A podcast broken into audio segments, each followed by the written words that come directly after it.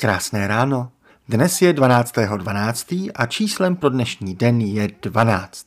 Protože samozřejmě nemůže být nic jiného, když už se v těchto dnech točíme kolem těch pekařů a pekařek, se kterými je dvanáctka těsně spjata. A nebojte, i na další z témat posledních dnů snídaní dojde na čerty a čertice.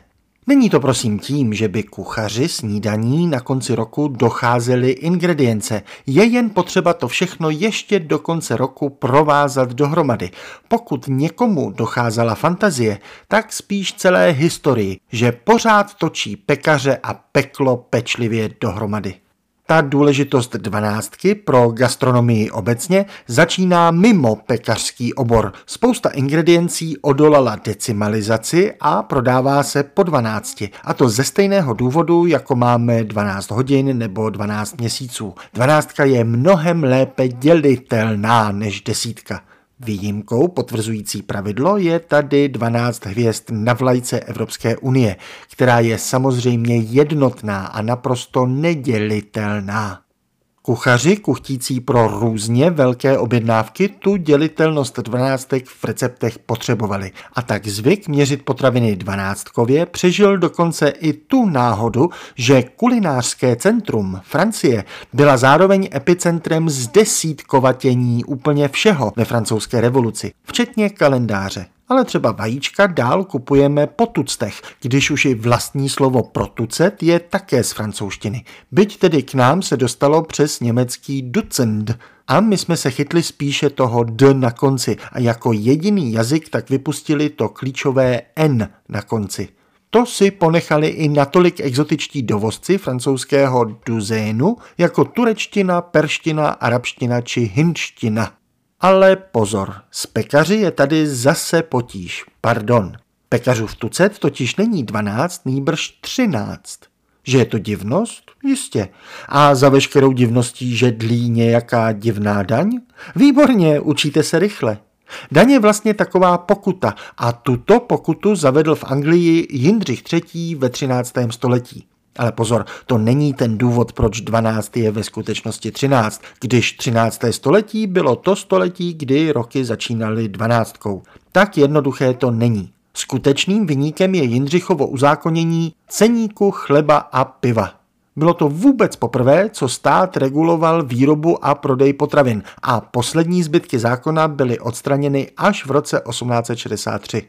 Jak ale uzákonit cenu pečiva, když jej ve středověku zatím nevyrábí stroje a mají proto různou hmotnost?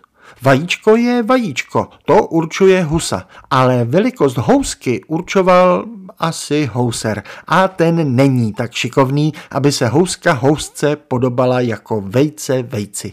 A zde byl zákonodárce moudrý. Věděl, že ne každá středověká houska se musí povést stejně velká, ale zákonné hmotnosti měla dosahovat aspoň v průměru. Na pekaře a sládky, kteří ani v průměru neplnili normy, čekal vedle vysokých pokut i trest byčování.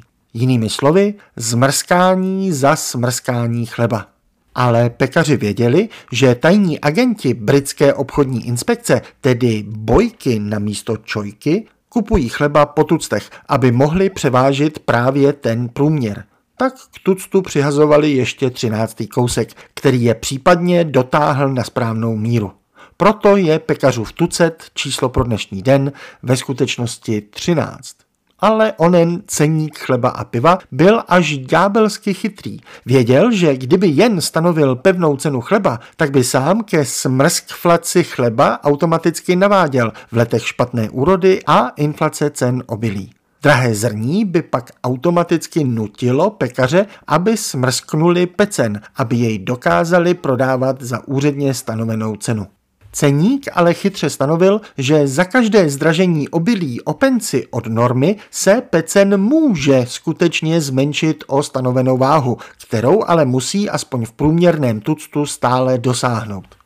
Tak se vlk nažral chleba a pekařova koza zůstala celá. A cena chleba, kterou i tehdejší televize jeli jako hlavní zprávy dne, mohla zůstat stejná i v době drahého obilí. Na místo ceny se přizpůsobilo množství. No není to geniální? Mimochodem Jindřichův ceník chleba a piva fungoval podobně flexibilně i pro pivo, což také vedlo k zajímavým divnostem, ale ty si nechme na dobu, kdy nebude předvánoční alkoholový půst.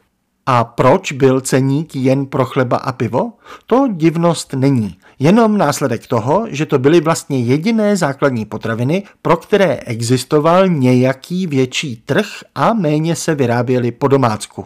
K jejich výrobě totiž bylo potřeba většího kapitálového vybavení, které každá domácnost neměla, jako třeba pořádnou pec či vhodný prostor na štěpení buněčných stěn zrna při klíčení na humně. Pozor, za humny je drak, ne čert, to se lehce plete. Ve skutečnosti však za humny následuje hvost, kde se namočené naklíčené zrno naopak suší. No mějte na to všechno doma místo, když sami bydlíte v kozím chlívku. A kde jsou v tom všem ti slibovaní čerti?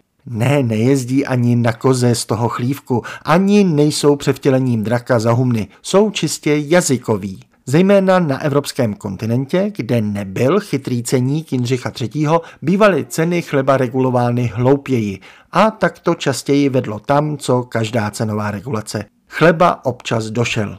Ne každý mohl místo něj jíst briošky a schytávali to pekaři, kteří byli jen zpravodaji o skutečných cenách obilí tak byli prohlašováni za čerty, že oni způsobili ten zinflačnělý nebo smrskflačnělý chleba. No a ve slovanských jazycích tak vznikl čertův tucet. V ruštině pořád čortova džužina přežívá jako označení pro třináctku. V češtině už to vymizelo.